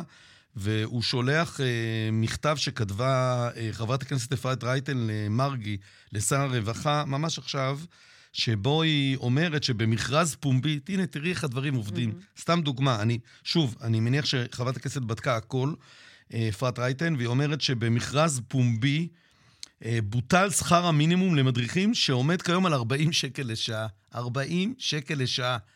את יודעת איזה עבודה זאת? זה לא לשבת לשתות נס קפה, תמיד, את יודעת, אלה ש... זה לא בעיות היחידות שמציגים פה בכתבה. המכרז החדש מבטל... גם המבנים הם בני 50 שנה ולא שופצו מעולם. מבטל את, את סעיף שכר המינימום למדריכים, ונקבע שמדובר על שכר מינימום ועוד 30 אחוז כדי שאנשים יבואו, אז עכשיו זה יורד. המכרז החדש מבטל את מענקי ההתמדה. אה, עוד כל מיני דברים. זה פשוט לא יאומן. ש... כן. עכשיו, אני לא יודע מי מוביל את זה, האם זה האוצר... פתחנו כאן תיבה, כי אנחנו קיבלנו המון תגובות כן, שקשורות לא, לזה, לא. וה, וה, והשאלה באמת, הרי האנשים האלה לא ישלחו את הילדים הביתה, כי הסיכון שיקרה להם משהו בחוץ הוא גבוה מאוד. אה, מה, מה עושים עם, ה, עם הפער הזה כשיש מבנים שמתוארים פה כמתפוררים, 50 שנה לא שיפצו אותם, והילדים זה הבית שלהם. אני, אני ראיתי... הייתי אולי ב... המשפחה של יונתן גפן, שתרמה את, ה, את הציוד שלהם ואת לא את כל הריהוט ואת כל תכולת הבית של אה, מר לא יונתן גפן. לא את התכולה, התכולה אף אחד לא רוצה, את הבית הם תרמו. לא, הם תרמו את תכולת הבית. זה הרבה כסף. הם תרמו את תכולת הבית לפלסטינים בכפר יטא. אני לא חושבת שהם תרמו את הבית. מה הם תרמו? את הספרים בעברית של יונתן גפן? את המקרר וה... והמיטה, אני לא יודעת. לא, פורסם, לא, פורסם לא. שמדובר ב... אה, ת, תקשיבי, תכולת הבית, כל אחד היה, הרי לא נעים להגיד, כל אחד היום לא, לא, לא, הם לא תרמו את הבית, הם טעינו. תכולת הבית? הנה, אומרים לך, אני אה, אני חשבתי שתרמו את הבית עצמו. הם לא כאלה נדיבים, בוא. תכולת הבית. עכשיו הייתה תמונה מאוד יפה בחצר ביתו של יונתן גפן, במושב בית יצחק, הגיעה משאית, העמיסה בסיוע שוברים שתיקה. רגע, לא, אני אגיד, אני אגיד מה שיש לי להגיד. תורמים את הרכוש לפלסטינים בהר חברון, אזור שממנו יצאו מרצחים ומחבלים רבים. הנה המוסריים, הצודקים ובני האור עושים את הדבר היפה, וישראל היפה על המושב, עם, עם תמונה שרואים את הדשא והאבן המשתלבת והתריסים הלבנים ה, והבית היפה במושב, ועץ שנטוע ליד. ויפה כתב חנן עמיור בחשבון הפייסבוק שלו, הוא אומר, האדמה הזאת בבית יצחק, עליה אתם עומדים בשלווה, היא אדמת כפר אום חאלד החרב. כן? הבעלים של האדמה הגזולה שעליה חונה המשאית הזאת, מצטופפים רק קילומטרים ספורים מזרחה מכם, במחנות פליטים עלובים ודלים של טול כרם, שאליהם סולקו ב-48. מה הוא רוצה? מה הוא רוצה? השלווה הטהרנית הזאת, שאתה אומר, אני הולך לתרום... שנייה, רגע, תבין על מה אתה, על, איפה אתה נמצא. כשאתה מדבר על, על הסכסוך המדמם, ואני רוצה לתרום לפלסטינים ביאטה, שלהם האדמות שלהם נגזלות, אני חשבתי שהם תורמים... טול קורה מבין עיניך. רגע, שנייה, אם אתה שנייה. יושב בשלווה צדקנית, תחת עץ שאתה לא יודע מי נטע אותו לפני 48. רואים את העץ שהוא עץ בין, בין 100 שנים. אמילי, את מבינה שאת עכשיו לוקחת את הטענות של הצד השני? לא, אני רוצה לנעוץ בלון, לנעוץ סיכה בבלון הצבוע. אבל תוך כדי זה את, את נועצת בלון ב... אל תהיו צבועים, אל תהיו צבועים. אתם רוצים לעזור לאנשים? פנו את הבית שלכם כפשוטו, ותיתנו אותו לאנשי טול כרם, שמאדמת חלד אתם גירשתם אותם ב-48. אני, מה שאני הבנתי, לתרום תכולה הרי זה סתם. לא, הם תרמו תכולה, הם תרמו תכולה. אמילי, אני יודע אצלנו בשכונה שיש הרבה זקנים, היו תמונות מהמשאית, העלו את הספרייה ואת המקרר וזה... ספרייה, זה מה שהם צריכים שם, את הספרים ב... לא את הספרים פיזית, את ה... אגב, אפילו ראיתי, ראיתי בדיחה מצחיקה. מותר רגע להקליל? כן. מישהו אמר כמה הם התבאסו לגלות שהכבש השישה עשר הוא רק ספר. זה בדיחה טובה, לא זוכר מי, זה רץ כאילו בוואטסאפ. אבל אני הייתי בטוח, אגב, זה מאוד יפה, עכשיו בלי צחוק. כן. אני, פשוט כי זה הרבה כסף, לתרום הרבה כסף למטרות כאלה זה יפה. לא יודעת אם זה תכולה. זה לא הרבה כסף, זה תכולה משומשת לא, של הבית, אוקיי? והם עשו את זה במהלך מאוד צדקני, ואם הם יהיו שמים לב על איזה אדמה הם עומדים, אז הם שמים לב ל... אגב, אני יכול אבל גם, אני יכול גם לשים לב, שוב, אני לא, בא, אני לא יודע בדיוק מה תרמו שם, אבל אני יכול להגיד שאני נאלצתי, אני, אני חי על אדמה, כן. שבדרך אגב, הציונות גאלה אותה בכסף תמיד, אז אני לא יודע איך פתאום זה אדמה כבושה. ב-48? אה, הם או ברחו או גורשו. הבנתי. בית יצחק זה לא נגאל בכסף. אוקיי, בסדר. אני רק אומר במקומות שלי, וכן, אני יודע שנעשה עוול. אין, אין לי דרך עכשיו להחזיר את הבית, אבל אני מחזיר את הכסף, ואני רוצה להגיד שיש משפחות שעשו את זה. שעשו את זה, שהם החזירו את הבתים, הם לא החזירו את הבתים, אבל הם החזירו את שווי הבית שהם חיים פה למשפחה שגורשה משם. כן, וזה מה, ב... הבתים המפוארים של שמאלני אה, אה, עין כרם, שיושבים בבתים ערבים... אני לא יודע שמאלני עין כרם, אל תעשי את זה עכשיו קטן תימנים. אני אומר לך, בלי לנקוט בשמות שאני מכיר, משפחות ש... יפה, זה ככה ראוי. לא, אז הנה, שאומרים, כי, כי אני, זה שאני מכיר, זה שאני חוגג את העצמאות בגאווה, זה לא אומר שאני לא מכיר שהייתה לו נכבה. ואני שמח מאוד שאני בצד שניצח, מאוד שמח, כי אחרת לא היינו פה. אבל זה לא אומר שאני לא יכול להכיר בכאב לא, של... לא, המשמעות של, של נכבה זה שאנחנו חוללנו שואה, כש, כשאנחנו לא, היינו הצד המותקף, ואנחנו... בסדר, לא להפוך את התמונה ולהיות אה, דוד וגוליית הפוכים. לא, לא, אני איתך. אנחנו חוללנו, אנחנו ניצחנו התקפה אוקיי. של חמש, אה, חמש, חמש, חמש הצבעות. רגע, אבל רק אני רוצה להגיד, יש משהו יפה בזה שהמנצח אומר, אני ניצחתי, אבל אני לא מוחק אותך. אני מבין את ההפסד שלך. אבל מה שמשפחת גפן עשו השבוע לא יודע היה, גפן, לא ולכן יודע. אנחנו מדברים על זה, זה הוו האקטואלי שבו אנחנו נתלים, היה אירוע שאומר, אנחנו נגד ההתיישבות של היום, ולא אכפת לנו מה היה ב-48. כאילו הסיפור מתחיל עם הסכסוך של 67, וזה עיוורון, וזה להתחיל את הסיפור מאמצעו, וזה מטומטם, ואני רוצה לספר לך סיפור. השבוע צפיתי בהצגה שנעשתה על מתנחלים, הצגה של... אנסמבל נשים אה, מוכשרות מאוד, חילוניות, שמאלניות, שאינן מסתירות את עמדותיהן, שהחליטו לעשות הצגה על נערות גבעות. זה עלה במסגרת תיאטרון עכו, ועכשיו זה כבר רץ אה, במסגרת הקבוצה הירושלמית שהם אה, תומכים בהצגה הזאת. הגיעו לירושלים אחרי הרבה הצגות בתל אביב. יצירת מופת, קרן שפט היוצרת, עשתה שם עבודה, תיאטרון מענג. קודם כל, מתקן, אותה, מתקן אותי חברי. להצגה קוראים על הגבעה. צדקתם, תרמו את תכולת הבית, רק שנייה, שזה באמת פרוטות, אבל אסור להיטפל לזה, כי היום פורסם שחרדים מקבלים 250 מיליון שקל כדי להסכים לעוד דחייה בחוק הגיוס. ידעת את זה? להצגה שבה צפיתי קוראים אה, על הגבעה, הצגה על נערות גבוהות. באמת בושה. עכשיו, אני הגעתי דרוכה לראות הצגה על נערות גבוהות, כמובן, הצגה שנעשית על ידי אנסמבל תל אביבי, מאוד מאוד מהשמאל. ואני רוצה להגיד לך, קודם כל, דיוק מופתי בפרטים ברמה של איך לבושים, מה, איך מדברים, השיחה הפנימית, הדקדוק הפנימי של, ה, של המתנחלים, הובא שם באופן מדויק אה, להפליא. אה, תנועות הגוף, הצידוק ללמה עולים על הגבעה. ואתה יודע, אני יושבת הצגה שלמה, ואני אומרת, נותנים, לק... נותנים לנו כאן באופן צלול מאוד, כמו שתיאטרון צריך לעשות, לנסות להיכנס לנעליים של נערות הגבוהות האלה. באמת הצגה שאין בה, אה, אפשר להגיד, הרבה שיפוטיות כלפי המתנחלות, אלא אפילו יכולת להבין מה הן עושות שם, הנערות על הגבעות. זה סיפור על גבעה שיש בה מישהי שמתחתנת בגיל צעיר, ואתה מבין עד הסוף את הפחד הביטחוני, את האימה מפני פינוי, את האידיאולוגיה הלוהטת הזאת לעלות ולכבוש את ההר. ו- וכמובן שלא היה מנוס, אלא בסוף להגיע למסקנה מאוד מאוד מאוד שמאלנית. אתה יודע, כאילו, אז אמרתי, כאילו, איבדתם את זה. הצגה שנעשתה בכזה דיוק אה, אה, נבון מבחינה אומנותית, של לתת את, את הסיפור של נערות הגבוהות בצורה עם משחק מדהים, ו- ומוזיקה נהדרת, והכל, תפאורה, הכל נפלא.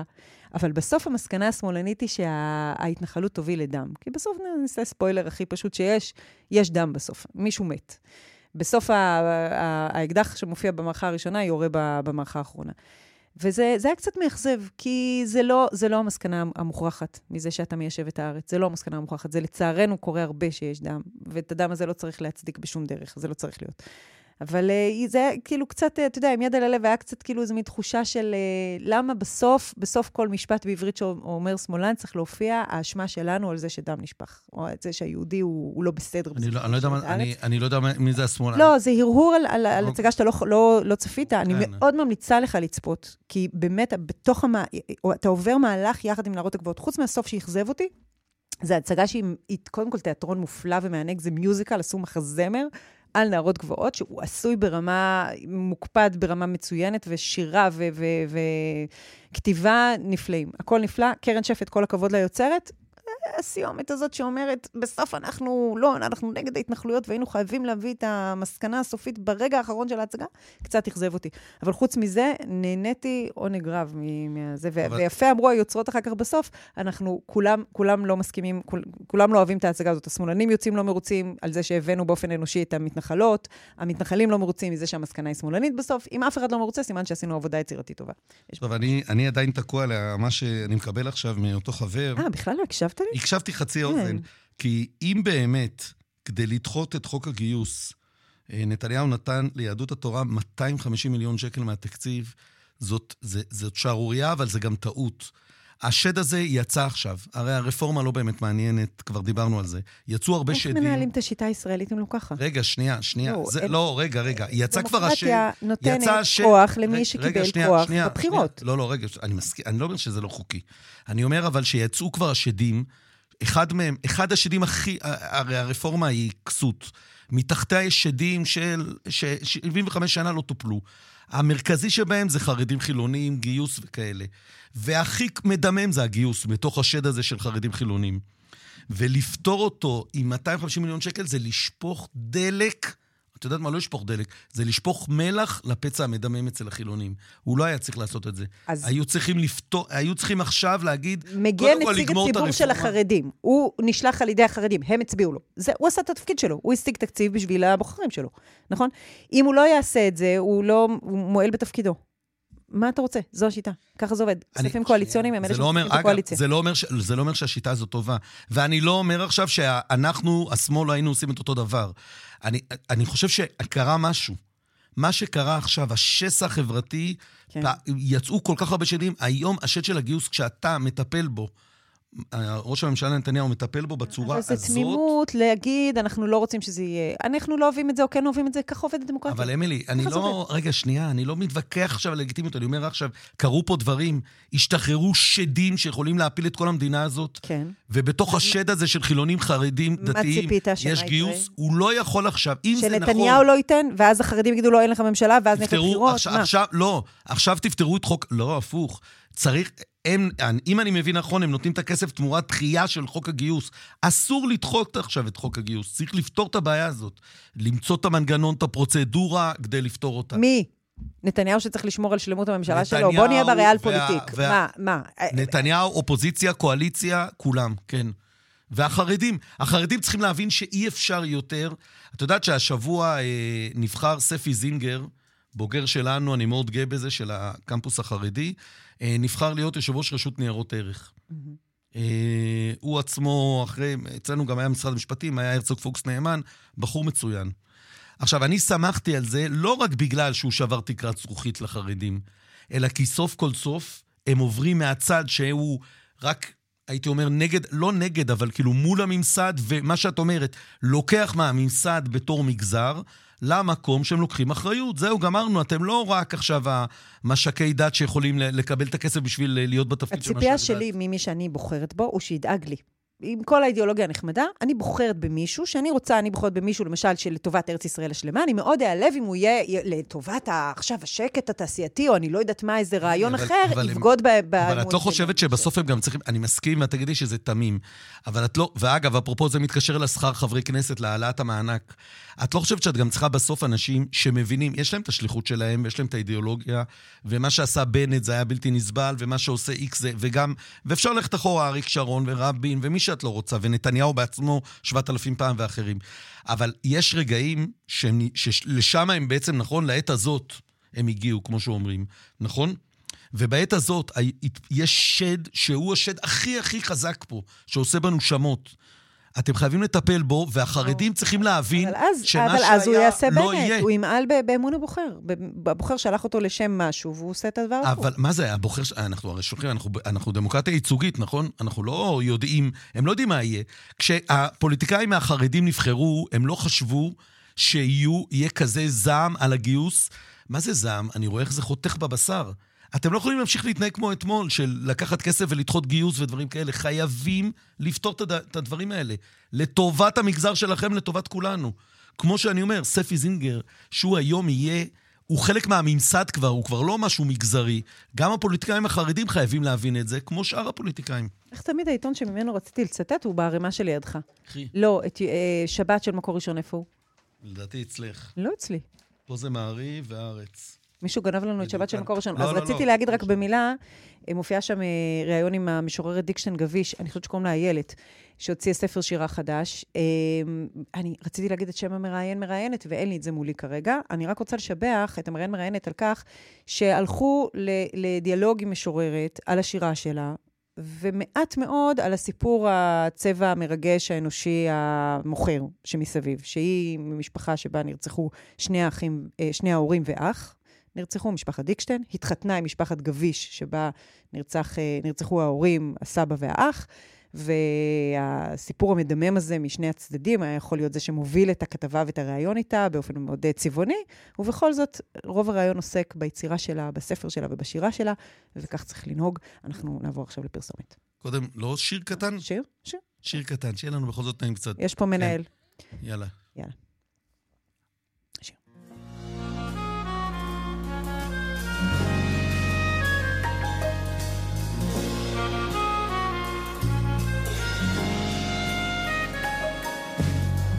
כי סערת עליי לנצח הנגנך שר חומה צור לך שב הציב דלתיים תשוקתי אלייך ואליי גנך ואליי גופי סחרחר עובד ידיים. לספרים רק את החטא והשופטת פתאומית לעד עיניי בחלומות עת ברחוב לוחם שוטט שקיעות של פטל תעלמי אותי אותי לעלומות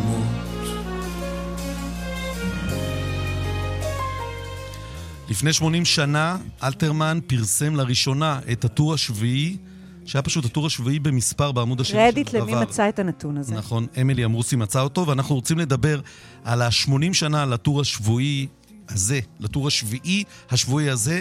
נעשה את זה עם מאיר עוזיאל אחרי הפרסומות. בז'ו. אז קח אותנו לפרסומות ונחזור לאלתרמן אחרי. אז אנחנו אה, חוזרים לאלתרמן, שלפני 80 שנה בעצם החל לפרסם את הטור השביעי, אולי את טור העיתון הכי נקרא, הכי ידוע, אני לא יודע אם נקרא בזמן אמת הכי נקרא, אבל אין ספק הכי זכור. ואחד הדברים המדהימים זה שלמעשה אה, מי שוויתר עליו היה שוקן, גרשון שוקן, ב- כי אלתרמן בעצם עבד לפני זה ב- ופרסם בעיתון אחר, בעיתון הארץ. תגיד לי, על מי נדבר על סוד הקסם של אלתרמן, אם לא עם מאיר עוזיאל? שלום לך, מה חברנו. שלומכם? בוקר טוב, בוקר טוב. מה שלומך, מאיר? קודם כל, בשבוע הספר תענוג לדבר עם שני סופרים, וכן, ובוודאי על אלתרמן. וגם, אנחנו- וגם אתה סופר, ועיתונאי במעריב, ועורך בימת מופעי הספרות בצוותא. אנחנו נתחיל איתך קצת. מאלתרמן ה- הפובליציסט. כן. אה, הטור השביעי שהתייחס לאירועים נכון, הגדולים ש- נכון. שהיו באותה תקופה. קודם כל, ספר לנו, מאיר, זה באמת התחיל בעיתון הארץ, ששם הוא לא, רק כן, תרגם כן, ידיעות, כן. ובין נכון, לבין הוא הוא כן. חיבר שירים? כן, כן, בלי תוספת שכר, הוא, הוא גם כתב שירים, סליחה, במדור שנקרא רגעים, ואז אחרי כמעט עשר שנים הוא ביקש העלאה במשכורת, ושוקן הזקן לא הסכים לתת לו, והפסיד את אלתרמן לדבר. רק להגיד, דבר זה היה העיתון של ההסתדרות ושל מפא"י. של מפא"י ושל בן גוריון, כן. ורק אז הוא כתב בשמו נתן אלתרמן. כשהוא כתב בהארץ הוא חתם בשם אה, בדוי. אז איזה שם בדוי זה היה? אגב? אגב, אגב. שזה, מה היה הרעיון? אני כבר לא זוכר, אלתרמן, בטח זה מתחיל באלף, אלתרמן, אבל אני לא, לא זוכר איזה אוקיי. תיבות. אבל כן, אוקיי, זאת היסטוריה. תראה, המופע שאני עושה, מופע הספרות שאני עושה בצוותא ביום ראשון הבא, ב-25, מוקדש לשירים המולחנים של נתן אלתרמן. כן, ראינו את ההזמנה ואמרנו לעצמנו שאנחנו חייבים לבוא לזה. אתם תבואו, מצעד הפזמונים של נתן אלתרמן. בתוכם יש גם שירים מולחנים. אה, שהופיעו בטור השבועי. למשל? בטור השביעי. למשל, אה, נאום תשובה לרב חובל איטלקי. מה זה? אה, זה שיר ש... תשאיר לנו רגע, לא מזהה. כן, אני לא זוכר. קפיטן, נו, עכשיו המילים לא נמצאות לא נורא, לא נורא, אוקיי. כן, כן, לא, אנשים מכירים, או מגש הכסף, בוודאי שמכירים. זאת אומרת, זה התחיל בכיתור פובליציסטי והפך להיות שיר מולחן? תראה, אין, אין הבדל כזה גדול אצל אלתרמן. הרמה הגבוהה הזאת של השפה, העומק והרבדים שהם אחד מתחת לשני בתוך כל השירים שלו, הם גם השירים שהוא כתב לכאורה לבמה הקלה, mm-hmm. וגם בשירים האלה שהוא כתב אה, כמין הצהרה פוליטית או, או, או או תגובה או מין טור פוליטי שבועי, ואגב, אתה יודע, יובל, אתה אמרת, אני לא יודע כמה זה נקרא, נכון שדבר לא היה העיתון הנפוץ ביותר, מעריב היה אז העיתון הנפוץ ביותר, אבל, וידיעות לפני זה, אבל אבל, אבל, אבל כשהוא כתב את הטור השבועי, כולם קראו את זה, שחקנים קראו את זה בפני קהל באותו, באותו ערב שזה הופיע, ולמחרת דיברו על זה, זה היה שיחת היום. אגב, דבר היה, זה, אני לא יודע מתי הוא עבר למשכן בשנקין, אני לא מכיר את ההיסטוריה, לא, אבל, אבל אה, שם... דבר, כן. אבל היה שם, היו תולים את ה... היו פשוט תולים את הגיליון שם בארון אה, בחוץ, נכון, אז זה אני עוד זוכר. כן. וכשהוא נכון, מפרסם את הטור השביעי, עם ביקורת...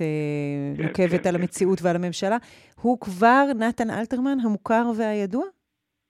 תראי, או שהוא עיתונאי לא, לא, מוכר לא, מדפי העיתונות? לא, לא, תראי, הוא הרי פרסם, אנחנו חוגגים 80 שנה לפרסום הטור השביעי, אבל אנחנו חוגגים גם 85 שנה לפרסום ספר שיריו הראשון, כוכבים בחוץ, ובו השיר הראשון בספר הראשון, שמו הוא עוד חוזר הניגון, עוד חוזר הניגון שזנחת לשווא.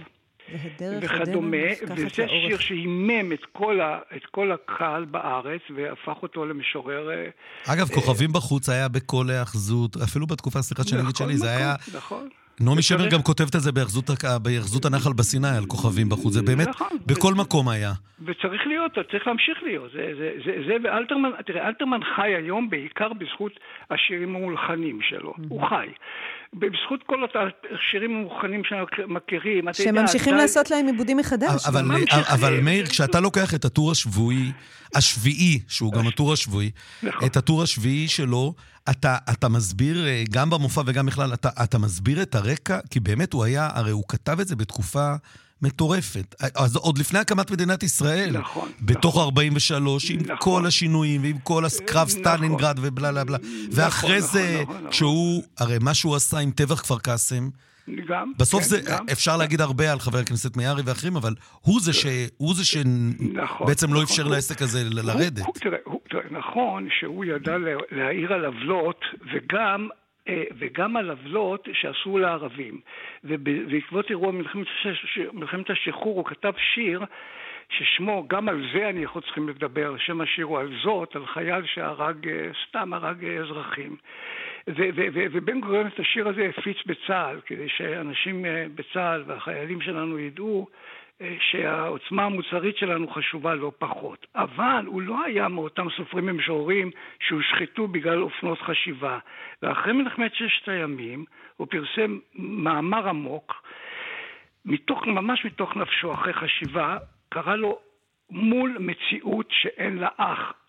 כשאנחנו עומדים מול השטחים של המולדת ששוחררו, אנחנו עומדים מול מציאות חדשה שלא היה לה אח בהיסטוריה, ואז הוא התחיל את התנועה של אנשי הרוח למען ארץ ישראל השלמה, עם יעקב אורלנד, עם שי עגנון, משה שמיר, חיים מזל, יצחק שלו. אבל סליחה, לא רוצה, לא רוצה, מאיר, לא רוצה להטיל, להטיל בו דופי, אבל זה בדיוק הפוך. ללכת עם שי עגנון, עם שמיר, עם יצחק שלו, אבא של, ועם כן, כן. אורלנד ואחרים, זה לא ללכת נגד הרוח, הפוך. זו הייתה לא. תקופה כמעט משיחית, שאנשים אה, מבחינתם הוא, אה, הוא, הוא, עוד כן, רגע לא יוקם לא המקדש, לא? אגב, אגב, לא כולם הבינו את זה, והיו אנשים... אה, מסוימים, נגיד אהרון מגיד, לא ניכנס פה לפרטים שלא חתמו, ובסופו של דבר אתה יודע ש, ש, ש, שהאווירה בחיי התרבות של היום היא לא למען ארץ ישראל. היום, היום כן, אבל ב-68 כן, זה לא היה... אבל הוא זיהה, הוא זיהה כבר אז, הוא זיהה כבר אז את, את הסכנה. הבנתי. הוא, הוא זיהה את הסכנה, תראה, הוא, הוא, הוא כתב, הוא כתב רומן אחרון שהוא כתב, זה היה בשם המסכה האחרונה, זה רומן נהדר סאטירי שלא מספיק מכירים אותו.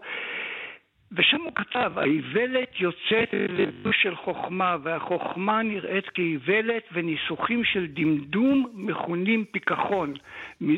כשהוא, תראה, זה אקטואלי עד היום לכל דבר, גם לימינו. אבל הוא התכוון שאנחנו לא מבינים את גודל השעה. והוא זיהה שזה הולך, אה, זה הולך אה, לשלוט. אבל אנחנו, תראה, בתוך, בתוך כל זה יצא ספר, יצא ספר חדש, מחקרי של פרופסור זיווה שמיר, מגדולי חוקרי אלתרמן, בשם כלניות, נכון. על הפזמונים של אלתרמן, על השירים המולחנים. והיא מוכ... בהמון אה, נימוקים קודם כל, היא, מאוד... קודם כל, רק להגיד, היא נהדרת.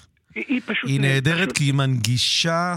הרבה ידע, זיווה שמיר, נכון, באמת נכון, כאילו נכון, לכל נכון, נפש.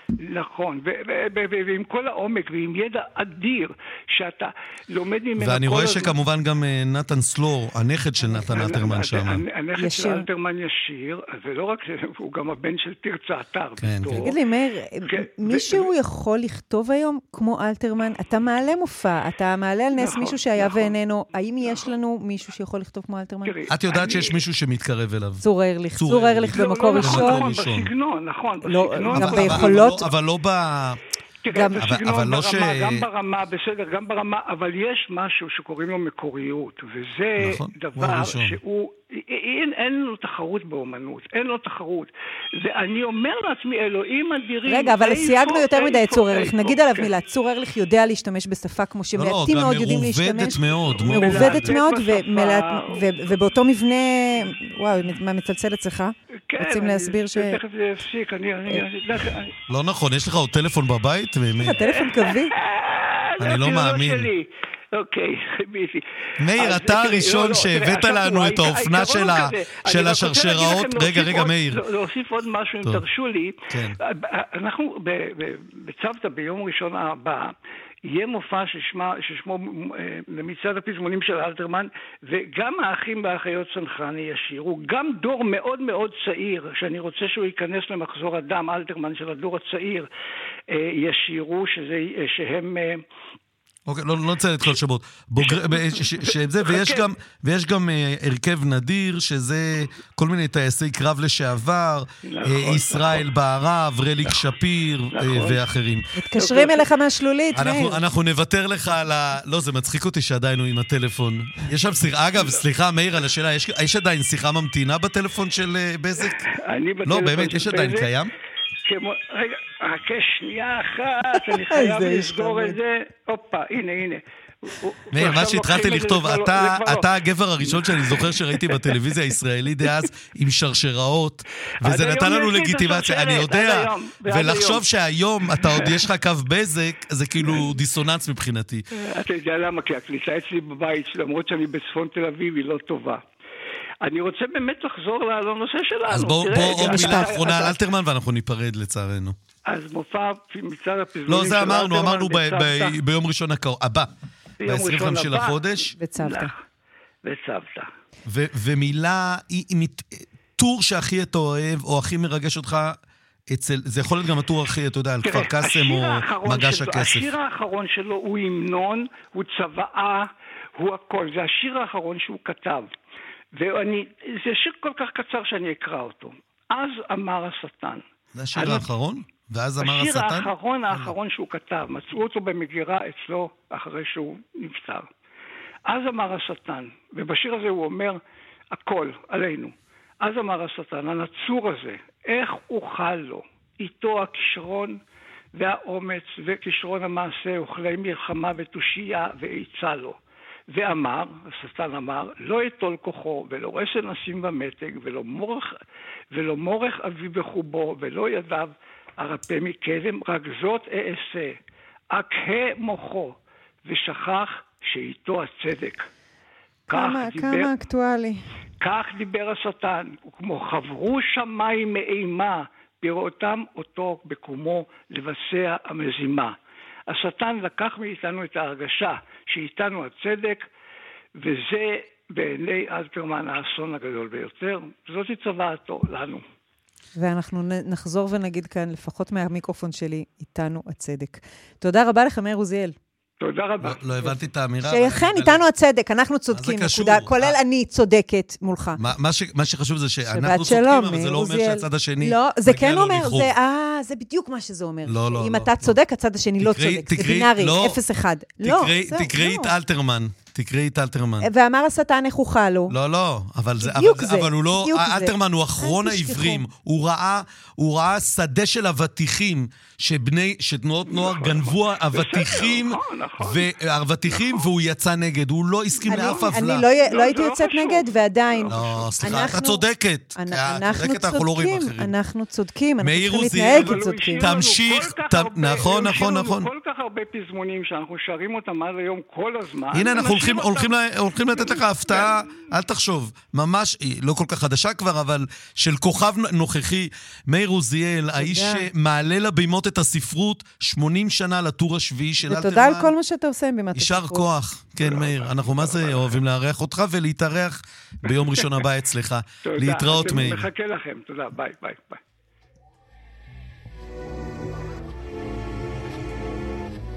זה ברי? זה הגרסה של ברי? יופי.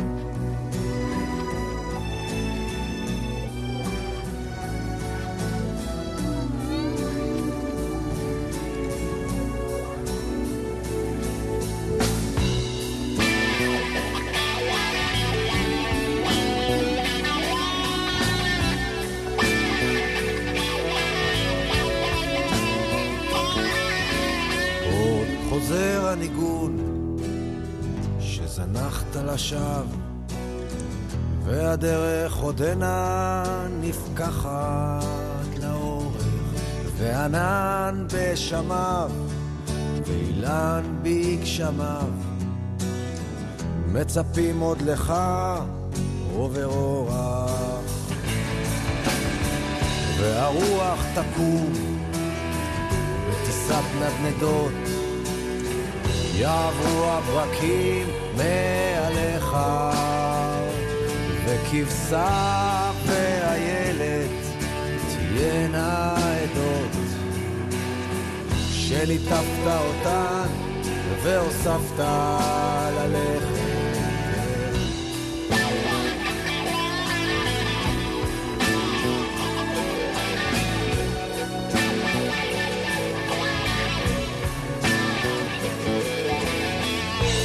ידיך ריקות ועירך רחוקה ולא פעם סגדת אפיים לחושה ירוקה אישה בצחוקה וצמרת גשומת אף אפיים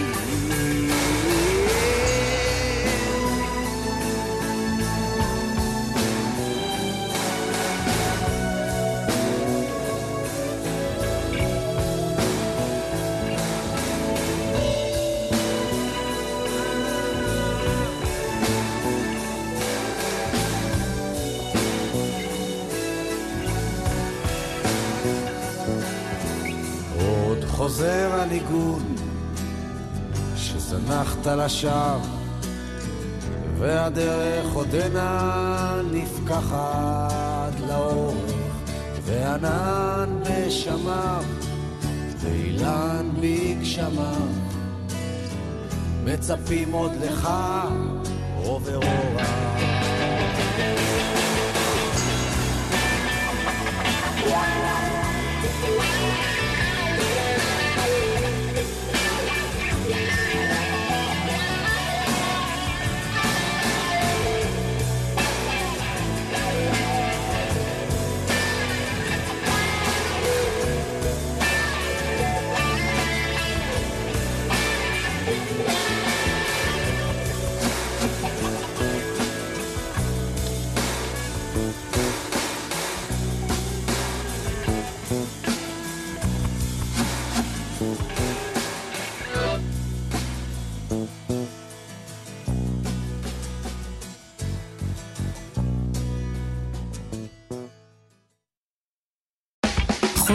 בהשכלה.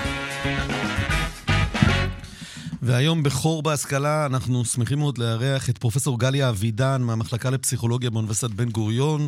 בוקר ש... טוב. אהלן גליה, קודם כל נאמר לך שלום. רק, רק. אני אגיד מי, את, שעשית מחקר שעליו אנחנו רוצים לדבר, יחד עם סטודנט לשעבר, גם באוניברסיטה, שהוא דוקטור גדעון, אה, גדעון לבקוב. אמת? דוקטור גדעון לבקוב, ויחד עם אה, פרופסור איריס שי. איריס שי, גם היא. וכולכם... שגם היא מאוניברסיטת בן גוריון וגם מאוניברסיטת הרווארד, ועוד... אה, אה אצלנו, קראתי, אצלנו אוניברסיטת בן גוריון בנגב זה הרבה מעל כל ה-IV ליג. אז, אז בוא... גם דוקטור אלון קפלן היה... נכון, נכון, נכון, נכון. ואתם סרקתם, סרקתם מוחים. מוחים זה הריבוי של מוח? מוחות? מוחות. מוחות כמובן, של 100 משתתפים. ומה גיליתם? אז המחקר קודם כל הוא חלק אה, ממחקר גדול שבאמת הובילה פרופסור איריס שי בפרויקט גדול שנקרא Direct Plus, והרעיון של הפרויקט הזה הוא בעצם איזושהי התערבות אה, ארוכת טווח של 18 אה, חודשים באורחות החיים של הנבדקים, באופן ספציפי אה, התערבות תזונתית מאוד מאוד מבוקרת שניתנת להם, וגם תוספת של אה, הנחיות לפעילות גופנית. רגע, פרופסור ו... אבידן, לפני שנגיע לנושא הזה, שאני בתור אה, שמנמן מה כבר נכנס ללחץ, רק נגיד את מה שהבסיס שלכם זה שה... שלא כולנו יודעים, שהגיל המוח הביולוגי הוא לא בהכרח הגיל הכרונולוגי, נכון? נכון, אז בשנים האחרונות... זאת אומרת שזה הרעיון, באמת, כן. נכון. בשנים האחרונות יש הרבה עניין בעצם בפערים האלה של בין הגיל הכרונולוגי, שאיתו נולדנו ואותו אה, אי אפשר לשנות, לבין גיל, במקרה שלנו, של המוח, שמסתבר שהמוח שלנו יכול להיות יותר אה, מבוגר במאפיינים שלו לעומת הגיל הכרונולוגי שלנו. וזה מן הסתם לא טוב, וזה מקושר לגורמי סיכון, למחלות שונות. והוא יכול להיות גם יותר וגם צעיר? וגם לתמותה מוקדמת, וגם מסתבר שהוא גם יכול להיות יותר צעיר מהגיל הכרונולוגי שלנו. שאתם גיליתם במחקר איך להפוך אותו ליותר נכון, רגע, אבל אז... עוד שנייה, שנייה, אמילי וגליה, שנייה. אה, זה כמו גיל עצמות שהיינו בודקים לילדים? אז, זה בעצם, כשהילד הוא נמוך, אז, וגיל העצמות שלו הוא יותר נמוך, אז זה אומר שיש לו זמן לסגור את הפער. בעצם אותו דבר אפשר לראות על מוח? זה, זה לא בדיוק אותו דבר, כי גיל עצמות זה באמת איזשהו נתון שנותן לך איזושהי אה, אינדיקציה לפוטנציאל הגדילה של הילד. אה, גיל המוח הוא, הוא קצת יותר מורכב בהקשר הזה, כי אין לנו, זאת אומרת, זה לא שהמוח שלנו יגדל וימשיך להתפתח, זה איזשהו נתון שמאפיין, אה, אפשר להגיד, את בריאות המוח ברגע מסוים, ובכל שלב בחיים אנחנו יכולים למדוד את המדד הזה של גיל המוח.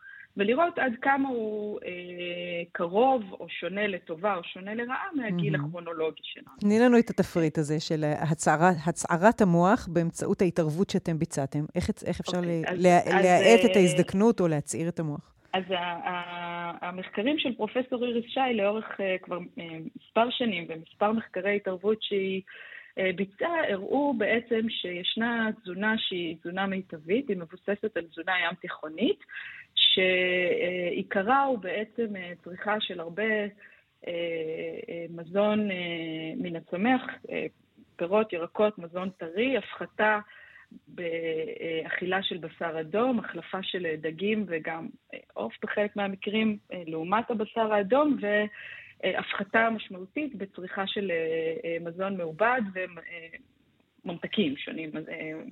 והמחקר הספציפי הזה שילב באחת מקבוצות ההתערבות עוד הגברה של רכיבים שאנחנו חושבים שהם מיטיבים בתוך הדיאטה הים תיכונית, ומהם ניתן, ניתנה עוד תוספת בתוך המחקר הנוכחי. אגוזי מלך, תה ירוק, שי ירוק, שק ירוק. נכון, אז, אז אגוזי מלך הוא משהו ש... שהוא חלק מהרכיבים שהם מוצאים בתוך הדיאטה הים תיכונית ושיש בהם מרכיבים שהם מטיבים, ובמחקר המסוים הזה ניתנה עוד תוספת של תה ירוק, ש... וגם עוד איזשהו שייק ירוק שהוא מבוסס על צמח מיוחד שנקרא מנקאי, והוא, וה... והתוספות האלה מכילות בתוכם עוד אה, חומרים שנקראים פוליפנולים, שהם אמורים להגביר אה, את, ה, את התרומה של הדיאטה הים תיכונית. אוקיי, אז זו תזונה אה, ים תיכונית ירוקה, נכון. שאתם הבחנתם שכשמישהו צרך את, הצור, את, ה, את האוכל הזה, מה הוא קיבל במוח? מה התקבל? אז הצורה שבה בעצם אנחנו בדקנו את, את השינוי בגיל המוח, הייתה להסתמך על, על סריקות מוחיות תפקודיות, שבאמצעותם יכולנו בעצם להסתכל על האופן שבו קישוריות מוחית בעצם משקפת את גיל המוח.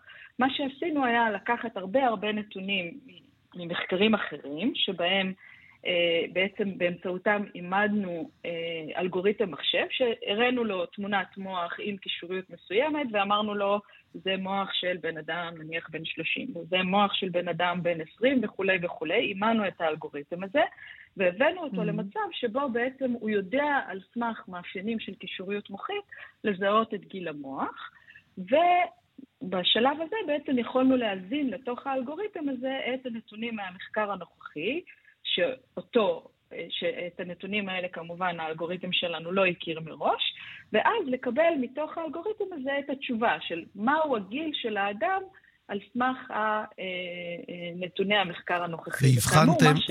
כן, בבקשה.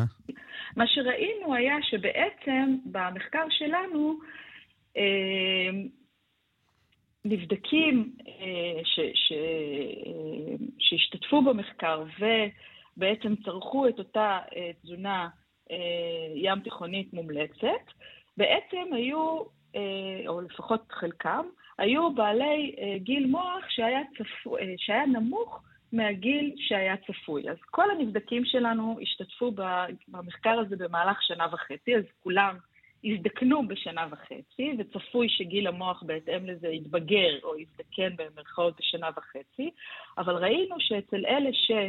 אה, אה, צרכו את התזונה הים תיכונית, בעצם גיל המוח יזדקן פחות ממה שהיינו מצפים שהוא יזדקן רק על סמך השינוי בזמן. ואני קורא פה שכמעט בתשעה חודשים, נכון? או, סליחה. נכון. כל ירידה של אחוז אחד ב-BMI, במדד מסת הגוף, נכון. הוא בהלימה הביא לתשעה חודשים פחות, אבל אני לא יכול ללכת אחורה לגמרי, נכון? נכון, אז, אז צריך להגיד... וואי, רחל, לא רחלי לוי, שהיא שותפתי למאבקי הדיאטה, עושה לנו מעבר לזכוכית עכשיו, רק פרופסור אבידן יספר, עושה הלך עלינו.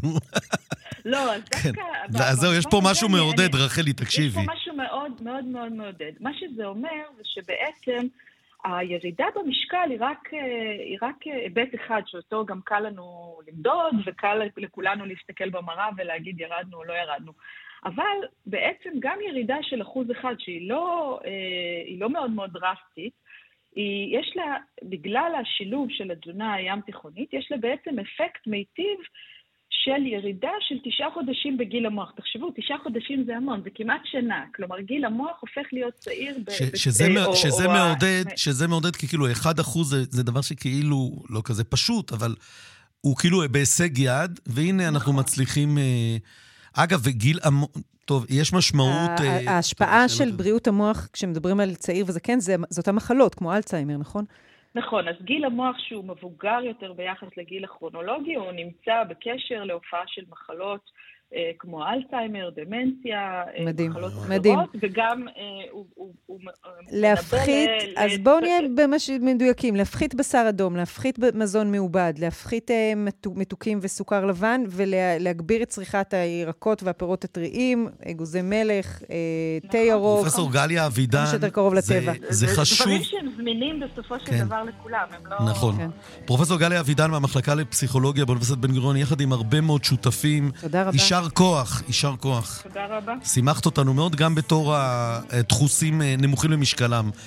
ואנחנו נודה, מעבר לפרופסור אבידן, נודה גם לקובי בז'יק, המכונה בז'ו בשפת העם. רחלי לוי, המכונה רחלי לוי. ואורית שולץ. אורית שולץ שלנו. שמכונה אוריטי שולץ. אני אהיה כאן, בשבוע הבא אני לא אהיה כאן. אתה תהיה כאן עם מחליפה גרועה ביותר. אה, דווקא למה היא לא כזאת גרועה. נכון, נכון. רציתי מחליפה גרועה, אבל לא הסתייע.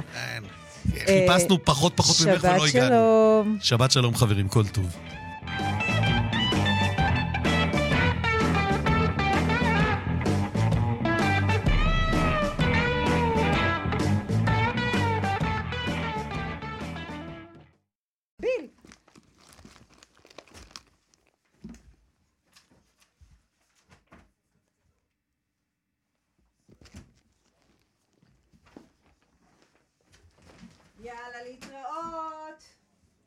כל מקור ראשון, נכון?